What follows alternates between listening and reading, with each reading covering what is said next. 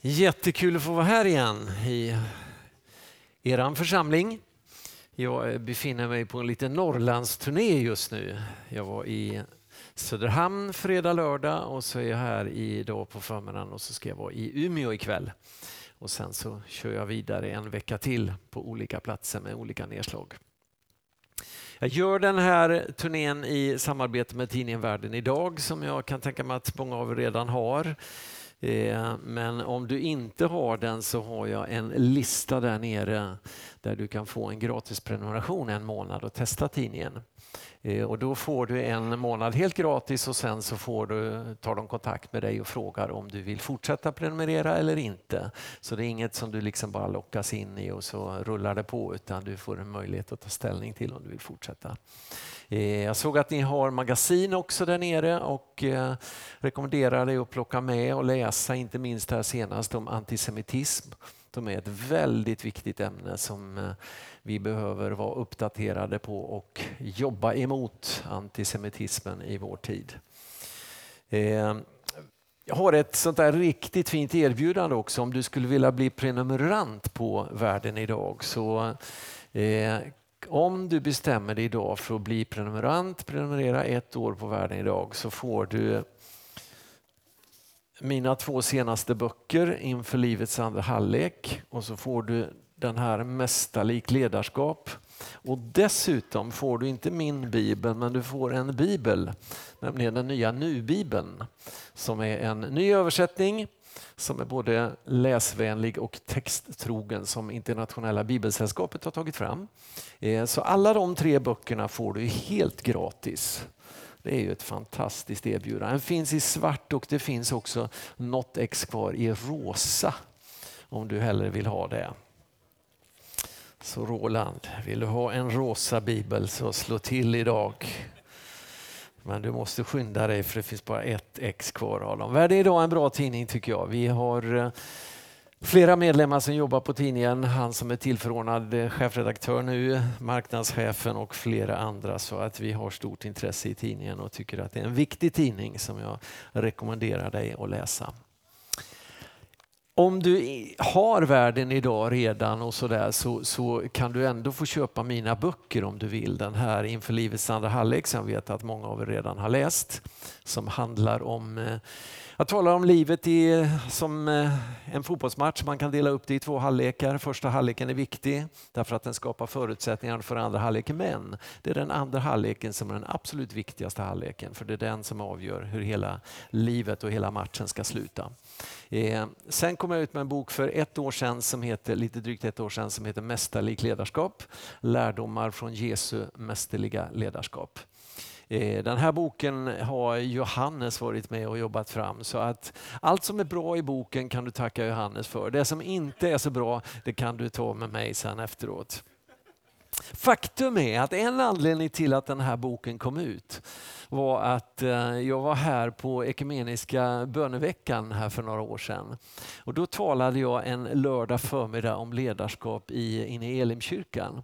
Och då var det en av medlemmarna i er församling, en kvinna som kom fram efteråt till mig och peppade mig riktigt att du borde skriva en bok om det här med ledarskap. Och faktum var där, jag hade tänkt på det eh, många gånger innan, men där var det som att poletten liksom föll ner och jag kände, jo men det ska jag göra. Så att jag är tacksam till eh, er församling för att den här boken blev till. Så ni har lite delaktighet i den faktiskt. Om du köper två eller tre böcker så får du ett extra bra pris. Det är bra att köpa böcker nu för det kan man ha till julklappar snart. Det är snart jul vet ni. Och sen är det snart midsommar också. Tiden går fort. Eh, Sommaren 2016 som sagt så kom den där första boken om, om eh, Inför livets andra halvlek ut och, och, den gav mig blodad tand att skriva någonting mer och då var det det här med ledarskap som låg och tryckte på. Jag har undervisat mycket om ledarskap under de senaste 20 åren eh, och kände att det är nog det och så fick jag den där, den där eh, uppmuntran här i, i Övik som gjorde att det blev av och så hjälpte mig Johannes då.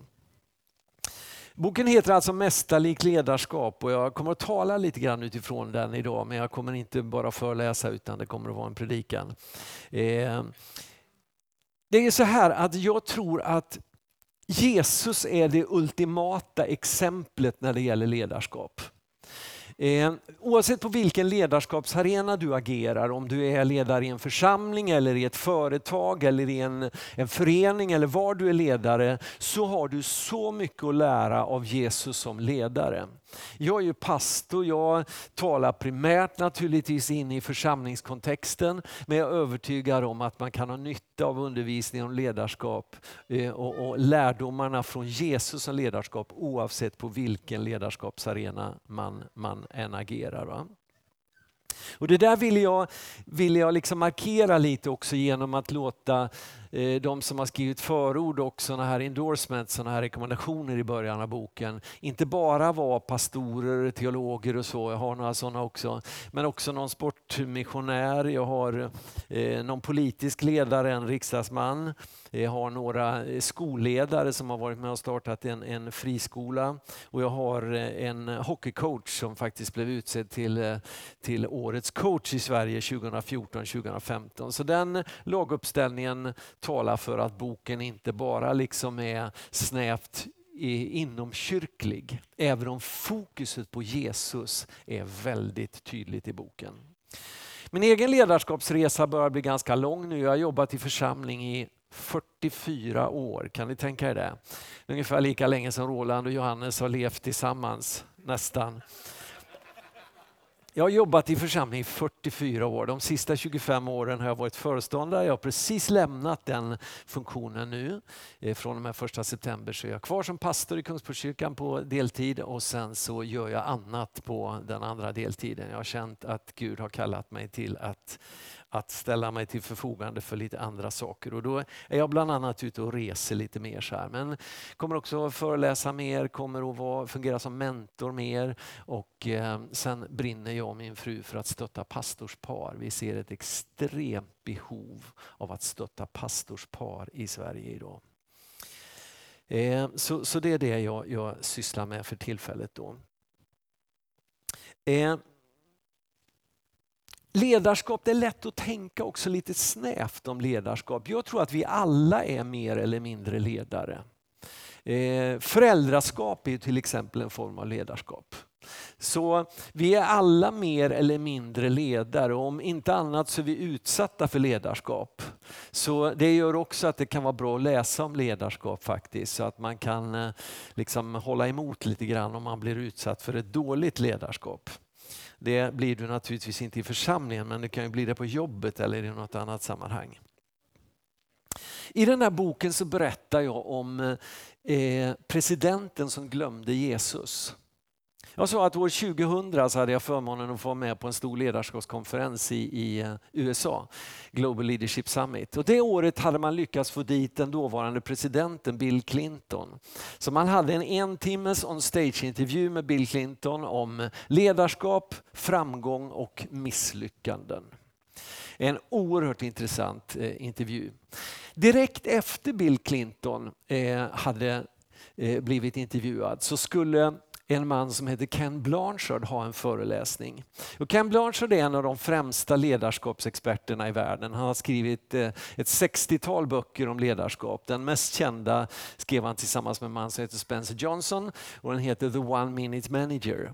Om du hittar den så läs den. Den är genial i sin enkelhet. Den har sålt över 13 miljoner exemplar betydligt mer än vad min bok kommer att sälja i, även om Johannes har jobbat med den.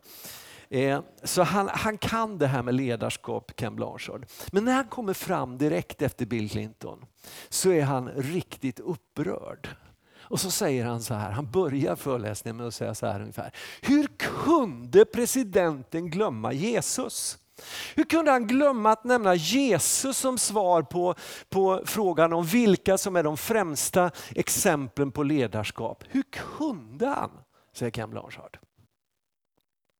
För honom var det fullständigt ofattbart att inte nämna Jesus som exempel på ett gott ledarskap. Problemet är att jag tror att det inte bara är Bill Clinton som glömmer Jesus när det gäller exempel på gott ledarskap. Utan jag tror att det är många människor som överhuvudtaget inte tänker på Jesus när vi kommer till ämnet ledarskap. Jag tror till och med att vi inte ens i kyrkan alltid nog uppskattar och förstår hur mycket vi har att lära av Jesus som ledare. Men om vi tar oss tid att studera Jesus som ledare så kommer vi att märka hur mästerligt han, han utövade ledarskap. Så här uttrycker sig Ken Blanchard, den här mannen som blev upprörd då på president Bill Clinton, i, i en bok som han har skrivit som heter Lead like Jesus, alltså led som Jesus. Så här skriver han. När jag överlämnade mitt liv till Jesus i slutet på 80-talet började jag läsa Bibeln. Som en beteendeforskare gick jag direkt till evangelierna, Matteus, Markus, Lukas och Johannes och till apostlagärningarna. Därför att jag ville veta vad Jesus gjorde. När jag studerade de här böckerna blev jag fascinerad över hur Jesus förvandlade tolv ordinära och osannolika människor till den första generationens ledare i en rörelse som fortsätter att påverka världshistoriens kurs 2000 år senare.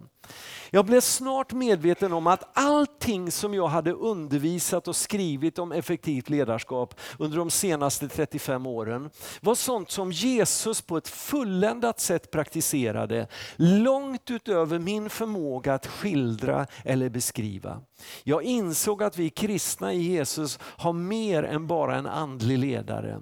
Vi har en praktisk och effektiv ledarskapsmodell för alla organisationer, alla individer i alla situationer. Så skriver en av de främsta ledarskapsexperterna i världen och jag är övertygad om att han har rätt. Och jag har med min bok velat försöka ge min bild av vad jag tror att vi har att lära av Jesus som ledare. En av de som skrev en sån här rekommendation i början av boken heter Peter Kurtzhals. Han är Senior Vice President i ett, ett stort danskt läkemedelsföretag som heter Novo Nordisk.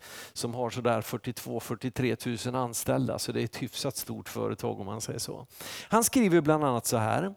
På så sätt visar boken att det inte är nödvändigt att studera vid en business school för att lära sig om ledarskap. Utan man kan bli inspirerad och vägledd genom Bibelns berättelse berättelser. Detta gäller såväl för den som ska vara ledare i kyrkan som för den som ska leda i samhället eller arbetslivet. De ledarskapsprinciper som boken beskriver är nämligen universella. De är ställda över tid och rum. Så jag säger, skäms aldrig för Bibelns urgamla berättelser. Och skäms aldrig för att lyfta fram Jesus som exempel på vilket område det än gäller. Det håller. I den här boken så lyfter jag fram 16 stycken principer eller 16 områden där vi kan lära oss av Jesus som ledare och det finns mycket mer än så. Men idag tänkte jag fokusera på ett av de där områdena. Jag tänkte predika om närhet, tillgänglighet och öppenhet. Närhet, tillgänglighet och öppenhet. Det är viktigt att fokusera på för en ledare. Svensken, eh, företagsledaren Percy Barnevik han sa en gång så här, tillgänglighet är A och O för en bra chef. Det är sant och det visste Jesus långt före Percy Barnevik. Om vi går till Bibeln då, inte till min bok nu utan till Bibeln. Det är den bästa boken av alla böcker. Va? så är den här boken egentligen ett helt bibliotek. Den består av 66 böcker. En omfattande bok som behandlar många olika ämnen. Men om man skulle komprimera Bibelns budskap till en enda vers så brukar vi säga att vi landar i det som vi kallar för lilla bibeln. Johannes 3 och 16. Ty så älskade Gud världen att han utgav sin enfödde son på det att var och en som tror på honom inte ska förgås utan ha evigt liv.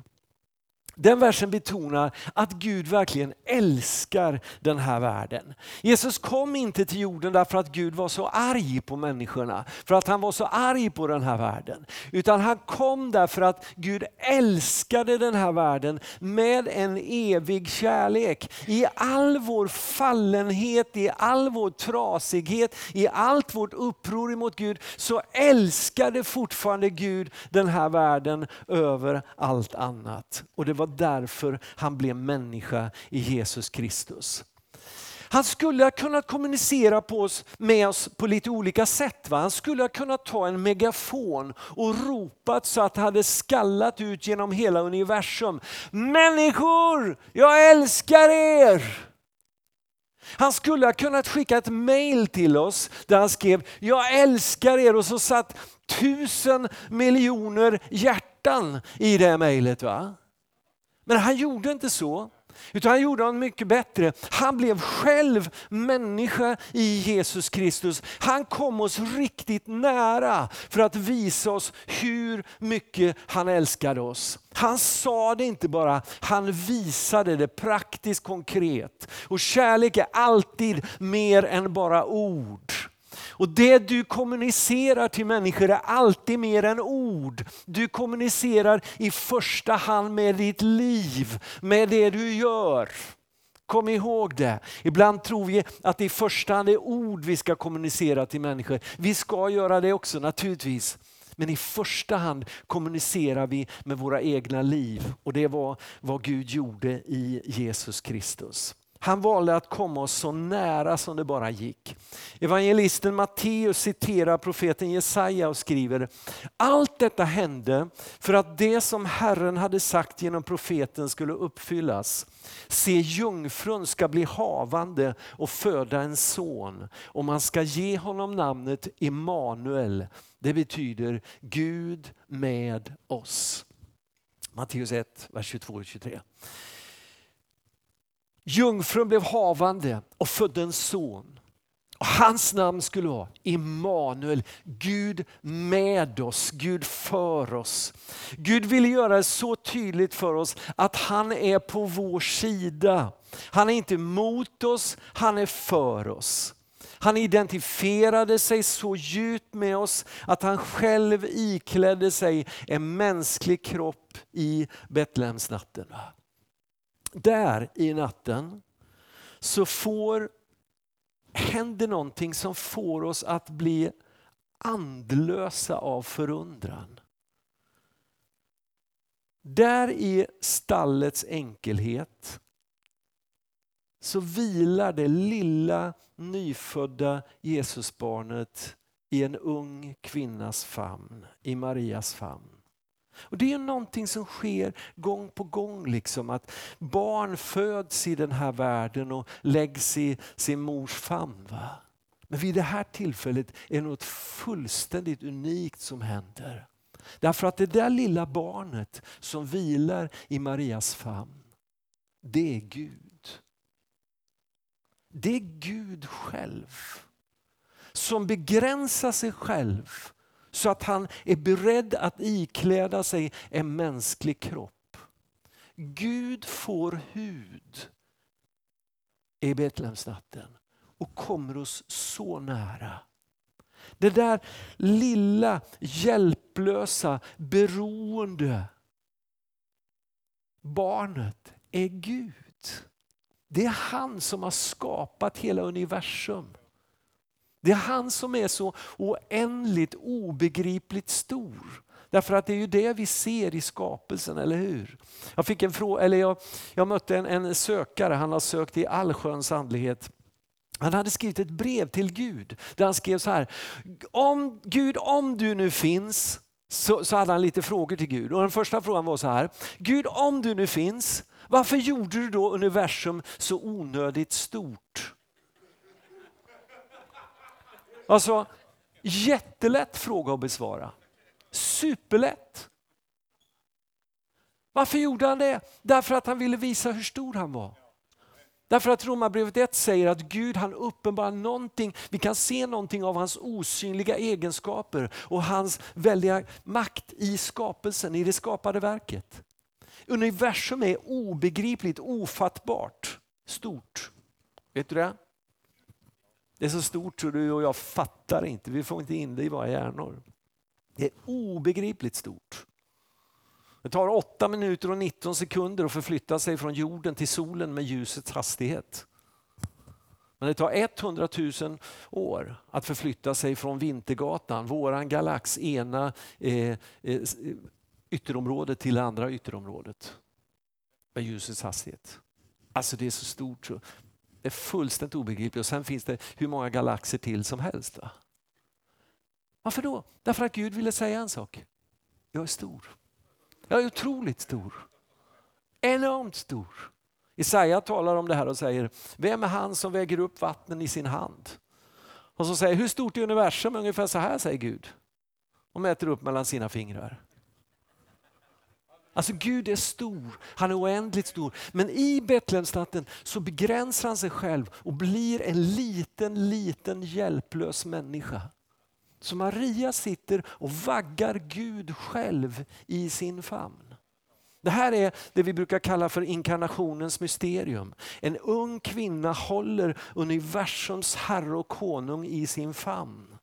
Och det som sker där är fullständigt ofattbart, förunderligt och underbart. Gud kommer oss så nära för att visa oss hur mycket han bryr sig om oss människor. Hur mycket han älskar oss. Det är det han visar. Men det här inkarnationens mysterium rymmer också en oerhört viktig ledarskapslektion. Nämligen att gott ledarskap det kan inte utövas på distans. Utan gott ledarskap måste präglas av närhet, tillgänglighet och öppenhet. Om en ledare försöker leda på distans från dem man ska leda så kommer aldrig resultatet att bli bra. Därför att en ledare modellerar med sitt ledarskap. Det är det en ledare gör. Modellerar, sätter kulturen i en församling eller i en organisation, vad det nu handlar om. Va? Så är det ledarskapet som sätter kulturen som modellerar hur det är tänkt att fungera. Om ledare leder på distans från människor så kommer det att bli distans i hela organisationen. Men om ledare leder utifrån närhet så får du närhet i hela organisationen. Och alla organisationer bör präglas av närhet, framförallt en församling. En församling måste präglas av närhet. Närhet till Gud, närhet till varann och närhet till de människor som ännu inte känner Jesus.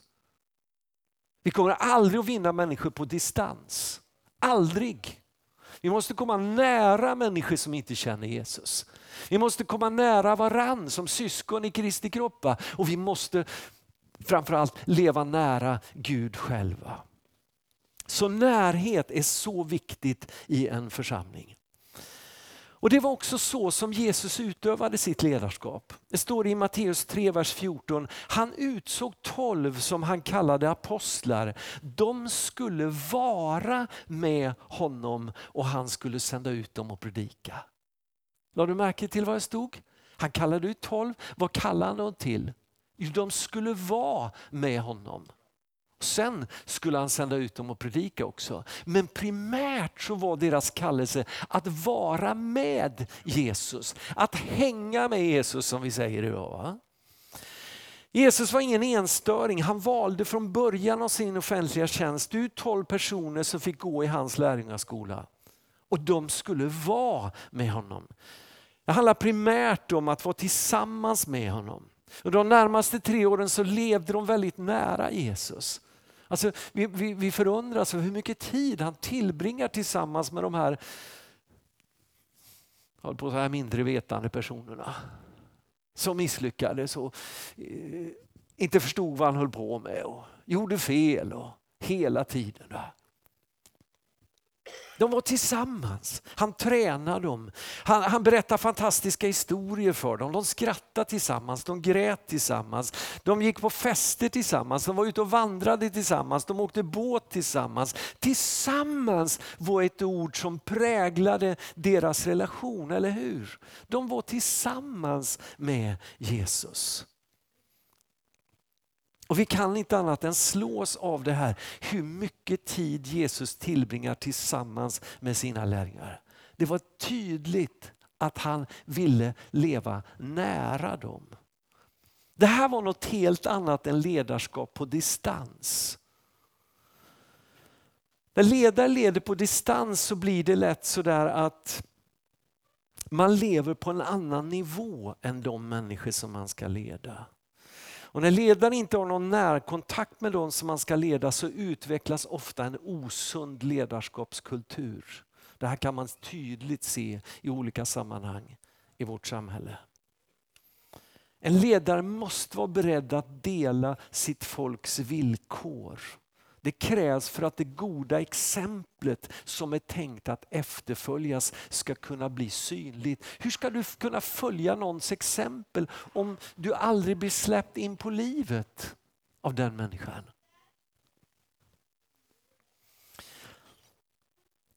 Fyra saker som är viktiga för en ledare. En ledare för det första behöver ha en öppen dörr. En ledare behöver ha en öppen dörr.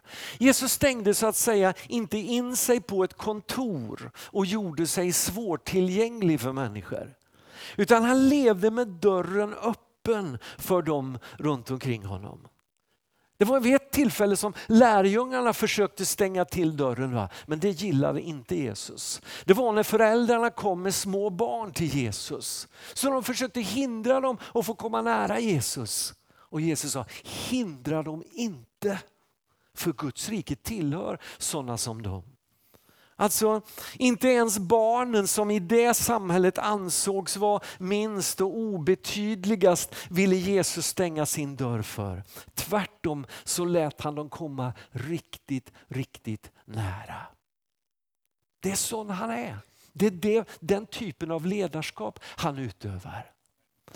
En, en eh, känd ledarskapsexpert som har skrivit mängder av böcker, du kanske har läst någon, han är pastor i botten, Han heter John Maxwell, en fantastisk eh, man när det gäller ledarskap. Han brukar använda det här uttrycket, en ledare måste gå långsamt genom folkskaran. Alltså en ledare får inte alltid vara på språng. Va? En ledare får inte alltid signalera, jag är så upptagen, stoppa mig inte. Va? Alltså ibland har vi ju bråttom och ibland så, så, så, så, måste vi naturligtvis få småspringa för att hinna det vi ska göra. Va?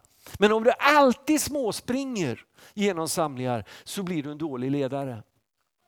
Jag hörde om en pastor, han, han, han, han hade jättemycket att göra och han skulle gå ut till kyrkan. Han såg det stod ett gäng där och han förstod nu kommer de att fånga mig. Så han tänkte jag måste göra något för att undvika att bli fångad. Så han, tog ett knep, han gjorde ett knep. Han tog mobiltelefonen och så började han låtsas prata i den. Va? Det är bara att precis när han passerar de där människorna så ringer hans mobiltelefon.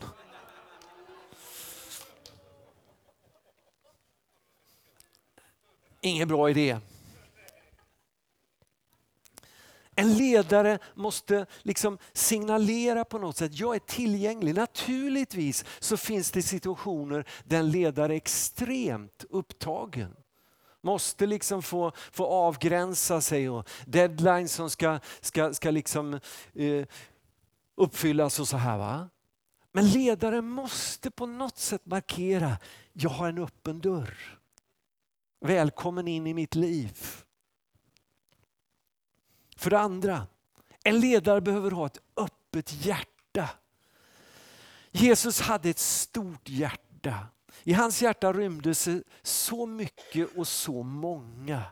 Hans hjärta var fyllt av kärlek, av glädje, av frid, av godhet, av visdom. Och av allt det där delade han med sig så frikostigt. Han liksom levde inte en protektionistisk livsstil där han liksom bara försökte att och liksom försvara sitt och så här och behålla det själv för, för sig själv. Utan han delade med sig så frikostigt. Och även här modellerar Jesus ett gott ledarskap. En god ledare präglas av ett stort, generöst och öppet hjärta. Jesus delade frikostigt med sig av sin visdom av alla sina gåvor. I ett sammanhang så säger han så här i Matteus 13 och 11. Ni har fått lära känna himmelrikets hemligheter. Jag har inte behållit hemligheterna för mig själv, jag har delat med mig till er. När lärjungarna kom och bad och sa, Herre lär oss att be. Ja, men då lär han dem den bönen som är den där mästerliga bönen, hans egen bön. Vår Fader, du som är i himlen. När människor hade behov så delade han frikostigt med sig. Han till och med avslöjade var det fanns rekordfångst. Det brukar inte fiskare göra. Och inte svampplockare heller för den delen. Men han gör det. Och lägg, var, var, var medveten om, det var ju inte bara en massa fisk. Det var ju pengar. Alltså den där fångsten var ju värd mängder av pengar. Och Jesus säger, kasta ut näten där så får ni massa fisk. Ni kan sälja dem och bli rika på dem. Han är så generös, han har ett sånt öppet hjärta. Jesus hade ett hjärta som var vidöppet för andra. Från hans hjärta strömmade det ut godhet och välsignelse till människor runt omkring honom. Vill vi likna Jesus, vill vi likna Mästaren i hans ledarskap så måste vi också ha öppna hjärtan, hjärtan som generöst delar med sig till andra. Så öppna dörrar, öppna hjärtan och för det tredje öppet öra. Jag tror att ett av de mest undervärderade ledarredskapen är örat. Jag brukar säga i vår församling att vi väljer till ledare de som har störst öron. Så när vi ska välja nya ledare så mäter vi och kollar hur stora öron de har. Liksom. Ah, jag tror inte det räcker riktigt där, det är lite för litet. Eh, jag skojar naturligtvis, men jag brukar säga så här, ledare måste ha stora öron. Primärt handlar ledarskap om att lyssna på Gud. Lägg märke till, om du hör ifrån Gud så kommer du att leda. Tänk på Paulus när han är på båten på väg till, till Rom. Han är fånge på båten. Ingen lyssnar på honom från början. Han säger, ge er inte iväg, det kommer att bli olycka av om ni åker. Ja, de kör i alla fall. En fånge är väl inget att lyssna på. Men innan storyn är slut så är det Paulus som styr och ställer och gör allt det de gör på båten, det är att lyda vad han säger. Varför då? Därför att han har hört ifrån Gud. Han har hört ifrån Gud och den som hör ifrån Gud kommer att kunna leda. Men ledare behöver inte bara höra ifrån Gud utan ledare måste också lyssna på människor. Älska Gud och älska människor. Lyssna på Gud och lyssna på människor. Vet du att varje människa är värd att lyssnas på? Och om jag ska dela med mig av, av, av, en, en sån där lärdom som jag har gjort under alla de här åren som ledare i församling, så är det den här. Lyssna på människor. Det innebär inte att du alltid gör som människor säger. Men lyssna ärligt, uppriktigt på människor. Och du har lärt mig det här. För många människor är det inte så viktigt om det blir som de tycker eller inte. Men det är viktigt att någon lyssnar på dem. Och varje människa är värd att lyssnas på. Och En sak som skapar en massa konflikter och problem i våra församlingar, det är att vi inte lyssnar. Det är att vi inte lyssnar på varandra. Vi slutar lyssna på varandra. Så stänger vi in och stänger dörrarna. Och det är jobbigt. liksom. Och det är jobbigt. Ibland så är det jobbigt att lyssna på människor som är, är liksom lite, ja, inte tycker som jag tycker. Men om du visste vad mycket jag har lärt mig av människor som inte tycker som jag. Det är faktiskt, det är faktiskt så här, de enda människor som har lärt mig någonting i livet är de som tycker annorlunda än vad jag tycker. För de som tycker precis som jag, de lär mig ingenting. Men de människor som tycker annorlunda kan jag lära mig någonting av. Och ibland upptäcker jag när en människa säger någonting till mig, just det, det har jag missat. Det har jag inte tänkt på. Det måste jag väva in liksom, i analyserna. Och ibland så känner jag, nej, alltså jag, jag, jag har tänkt på det där redan och jag tror inte så, jag tror så här. Men jag kan lyssna. Och du vet, varför är det så viktigt med människor som lyssnar? Jo, därför att det finns så få av dem. En pastor som heter Rick Warren, han har sagt så här. Människor bryr sig inte så mycket om hur mycket du vet, för de vet hur mycket du bryr dig. De bryr sig inte så mycket om hur mycket du vet. Ja, vi tycker vi är så förståndiga, vi kan så mycket och vi vet så mycket. Människor bryr sig inte så mycket om det. Men om de märker att vi bryr oss om dem så kommer de att lyssna och vara uppmärksamma.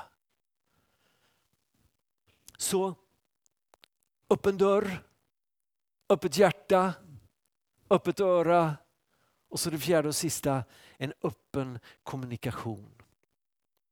Låt jag får säga det, jag missade. Jag går tillbaka till öppet öra. Bara ett exempel från Jesu liv, hur, hur, hur fantastisk han är som lyssnare.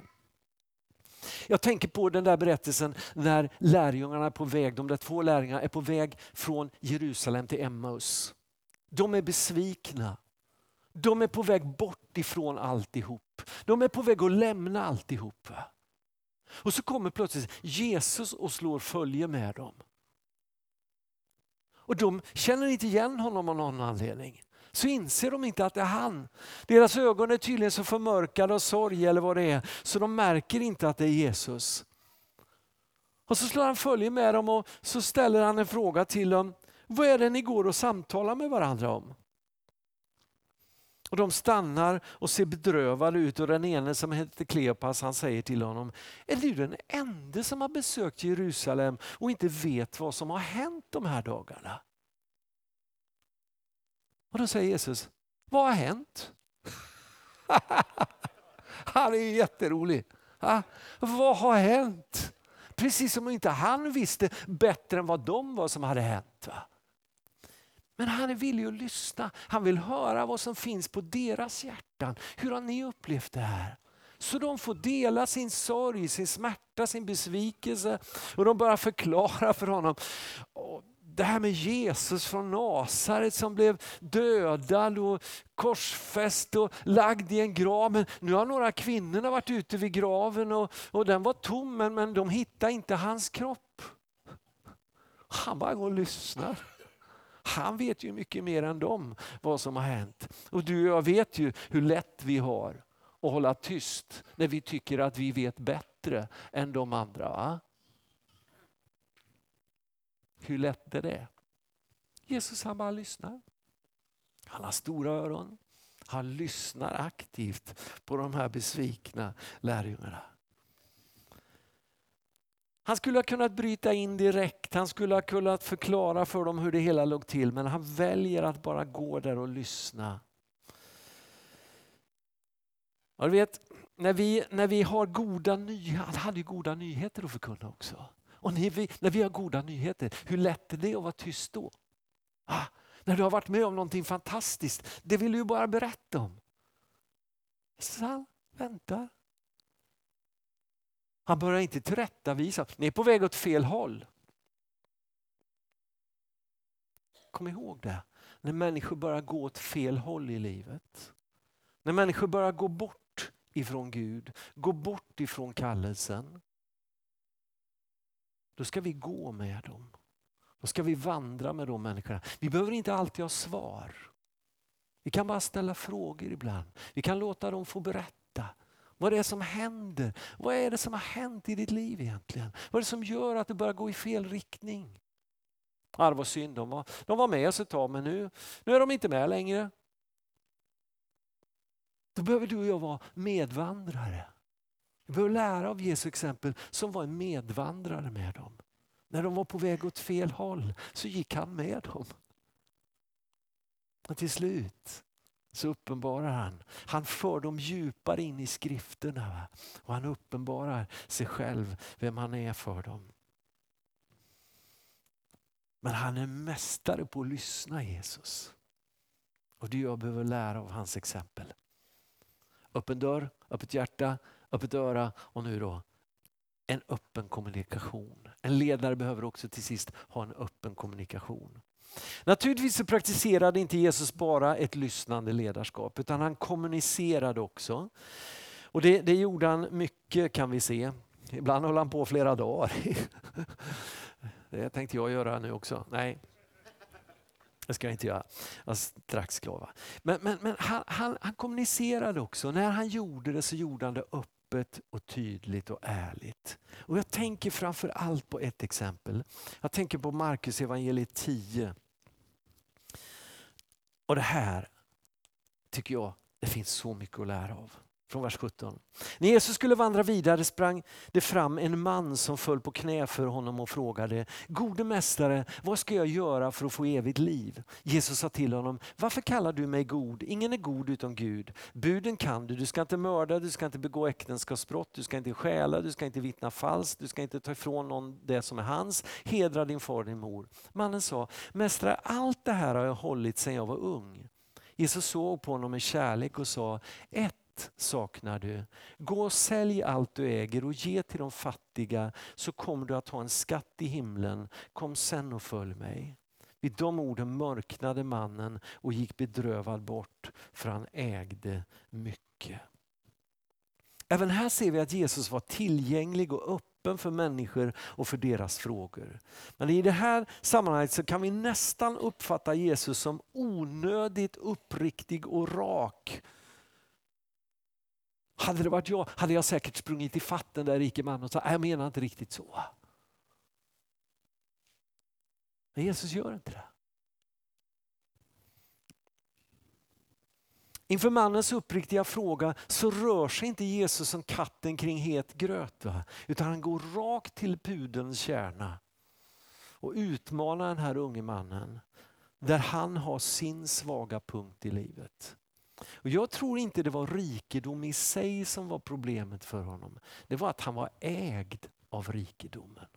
Det var att rikedomen ägde honom, att mammon, pengarna ägde honom. Jesus såg det. Och han ville hjälpa honom att komma ur den livsstilen. Och lägg märke till att det står att Jesus såg på honom med kärlek. Han var inte arg på honom. Han var inte en argsint, bitter sanningssägare som bara gick omkring och sa sanningar till människor. Jag ska minsann berätta för dig.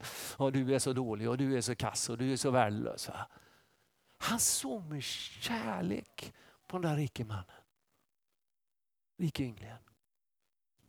Och så sa han det han sa till honom. Han visste att den här unge mannen behövde bli fri från sin kärlek till mammon för att kunna bli den människa som Gud hade tänkt att han skulle bli. Och dessutom så talade ju Jesus faktiskt utifrån sitt eget exempel. Han hade också varit en rik ung man som hade lämnat hela himlens alla rikedomar för att komma rakt in i en fattig värld. För att för, för, förmedla Faderns kärlek till oss människor. Så det Jesus egentligen sa till den rike ynglingen det var Följ mig. Följ mitt exempel. Följ i mina fotspår. Det står i Johannes 1 om Jesus att han var full av nåd och sanning. Det är en så viktig kombination. Om vi bara har sanning och inte nåd så blir vi bara hårdhjärtade sanningssägare. Men om vi å andra sidan bara har nåd och ingen sanning så kommer vi inte heller kunna hjälpa människor att bli det de är ämnade till att bli. Vi behöver precis som Jesus både nåd och sanning. Det är en oslagbar kombination. Jesus sa alltid sanningen med uppriktig kärlek. Han var öppen, han var tydlig i sin kommunikation. Man, behöver aldrig, man behövde aldrig vara osäker på om Jesus menade det han sa eller inte. Och Den tydligheten skapade en stor trygghet i människors liv. Och tydlighet skapar alltid trygghet i allt ledarskap. Det här är ett område där jag utmanas så av Jesus och hans ledarskap. Därför att jag, jag har så lätt för att backa liksom när jag känner här borde jag säga en utmanande sak till någon. Ofta så skyller jag nog på att jag vill inte såra den personen. Men sanningen är nog oftast att jag vill skydda mig själv. Och det är därför jag inte vågar säga riktigt det som jag ibland borde säga. Men när jag säger sanningen så måste jag alltid göra det i kärlek. Om jag inte har kärlek i mitt hjärta, om jag bara är liksom upprörd och arg och besviken så ska jag inte säga något. Men om jag verkligen älskar en människa så kan jag också kommunicera tuffa saker till människor. För att sanningen är ändå det som ytterst gör oss fria. Det finns så många lärdomar att dra från Jesu mästerliga ledarskap. Idag har jag pekat på ett sådant område bara. Det finns som sagt var många fler. Och har du blivit sugen på att köpa boken och visa din tacksamhet till Johannes för att han har gjort ett bra jobb med boken så, så får du gärna göra det. Eh, men det vi gör som ledare det är att vi sätter kultur i våra församlingar. Och vi behöver sätta en kultur som präglas av närhet, av tillgänglighet, av öppenhet. Jesu exempel kan inspirera oss och hjälpa oss att utöva ett så mästarlikt ledarskap som möjligt. Och låt mig få avsluta med att säga så här. Den här världen behöver så många ledare som möjligt. På så många olika ledarskapsarenor som möjligt. Som alla med så mycket hängivenhet som möjligt försöker göra så mycket gott som möjligt för så många andra människor som möjligt. Och en sån ledare kan du med Guds nåd och Guds hjälp få bli. Ska vi be tillsammans? Tack Jesus för ditt mästerliga ledarskap. Du är ett sånt exempel när det gäller att utöva gott ledarskap. Och herre, vi ser att den här världen behöver så mycket av gott ledarskap på så många olika områden Herre. Och därför ber vi, vi ber för allt ledarskap. Du har sagt att vi ska be för ledare. Du har sagt att vi ska be för de som har makt. Därför att vi vet att de utövar ett sånt stort inflytande. De får så stor påverkan. Inte det att de är mer värda men, men deras liksom, exempel det, det, det modellerar och det får efterföljare. Och därför ber vi, vi ber för ledarskap i våra församlingar och jag ber för ledarskapet i den här församlingen. Vi välsignar Thomas, vi välsignar Maria den här dagen Herre, där de är. När Thomas har sin födelsedag så välsignar vi dem. Tack för allt de har gett ut av, av kärlek och omsorg och omtanke under alla år. Men vi ber om att de ska få växa och utvecklas ännu mer Herre, som ledare. Och vi ber för alla som har en ledarposition person på något område i den här församlingen. Låt dem få växa som ledare. Låt dem få mogna som ledare Herre. Och tack för att du också utrustar människor i församlingen för ledarskap på olika arenor. Vi ber om ledare in i det politiska livet. Vi ber om fler kristna politiker i vårt land Herre, som tydligt och frimodigt står upp för den kristna tron. Vi ber om fler eh, företagsledare som, som har en, en, en stark tro på dig och en levande tro på dig som får vara med och bygga livskraftiga företag Herre. Vi ber om ledare in i, i idrottsföreningar, olika typer av föreningar som får vara med och sprida ljus och godhet Herre. Vi ber, om, vi ber för politiker, vi ber för kommunpolitikerna här i Övik, vi ber för regionpolitiker, vi ber för riksdagspolitiker Herre. Vi ber om politiker efter ditt hjärta och vi ber om politiker som också står upp i den här tiden för att försvara friskolor. I Jesu namn ber vi om det. Vi ber om att det ska få vara många människor som, som vågar resa sig upp i den här tiden. Det ber vi om i Jesu namn Herre. Och så ber vi om att den här öppenheten skulle få prägla våra liv och prägla våra församlingar och prägla den här församlingen. Jag ber om öppna dörrar i församlingen. Jag ber om öppna dörrar till våra hem. Öppna dörrar där många människor får komma in där. Nysvenskar får komma in där. Integration sker. Där människor som är annorlunda än vi kommer in där. Där vi får lära känna människor från alla möjliga sammanhang. Och där vi får öppna våra, våra dörrar, våra hem, men också öppna våra hjärtan för människor för att dela med oss Herre. Gör oss till generösa människor som frikostigt delar med oss av det du har gett oss på olika områden. Och så ber vi Herre, vi ber om öron som hör Herre.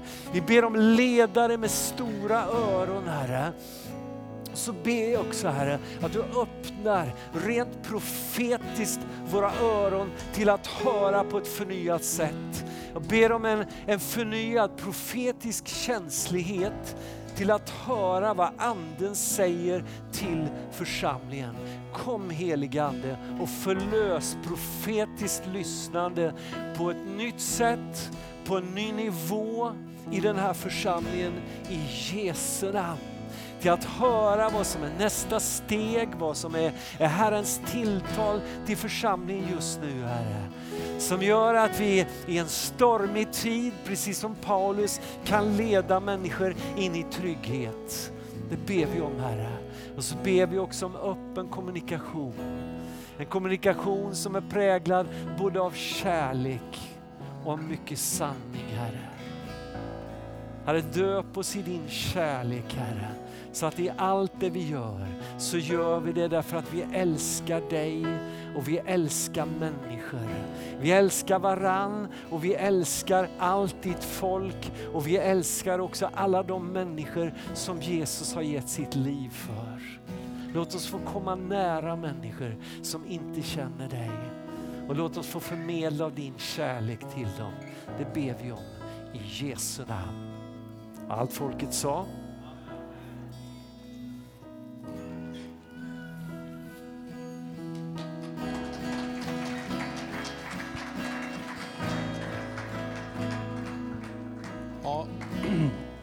Stort tack Hans.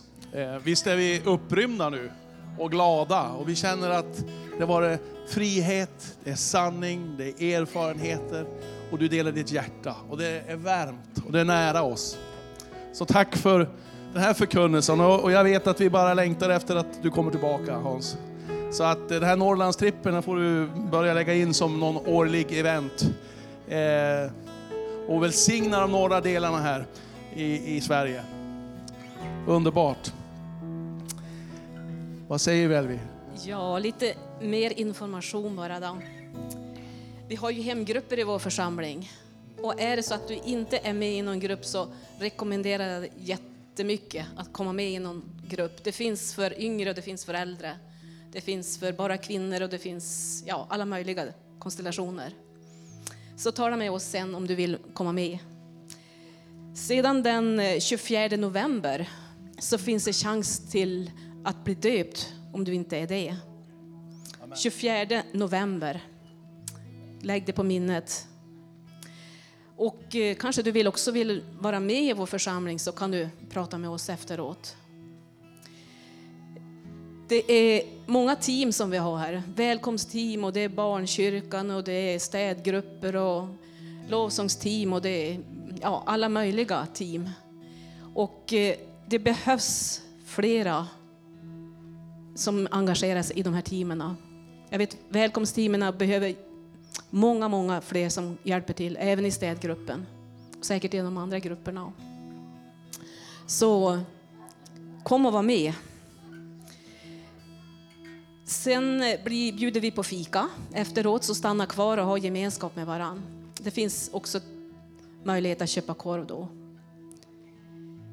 Men eh, du kanske sitter här som säger, åh jag skulle vilja samtala med någon. Jag skulle vilja ha en förbön för någon, av någon. Då finns det en möjlighet att gå in i det där rummet där det står förbön. Där kommer det finnas förebedjare och de som vill lyssna till, till dig vad du har att säga och, och be för det. Så ta den möjligheten också. Underbart. Och, och du, som inte, om du inte känner Jesus, så, då är du välkommen också idag till förbönsrummet. Och vi ska sjunga här alldeles strax nu och avsluta. Men vi vill också ta emot Herrens välsignelse. Eh, jag har fått in ett bönämne under mötet. Eh, och det är en person med ögonsjukdom som är på väg att ge upp. Jag tänkte vi kan be för det. Sen har vi fått en bekräftelse av att Thomas blev jätteglad över vår hälsning. Så ta emot den eh, hälsningen från Thomas. Ska vi ställa oss upp? Och jag börjar med att vi ber för den här personen och sen så Herrens välsignelse. Ja, Herre Jesus, jag bara tackar dig för det här bönämnet, det här allvarliga bönämnen av en person som har en ögonsjukdom som är på väg att ge upp, Herre. Du ger aldrig upp Jesus. Och vi bara, vi bara kastar den här personen, den här sjukdomen, de här omständigheterna på dig Jesus. Och vi bara ber Jesus att du ska göra under i den personens liv, Herre. I Jesu namn. Amen.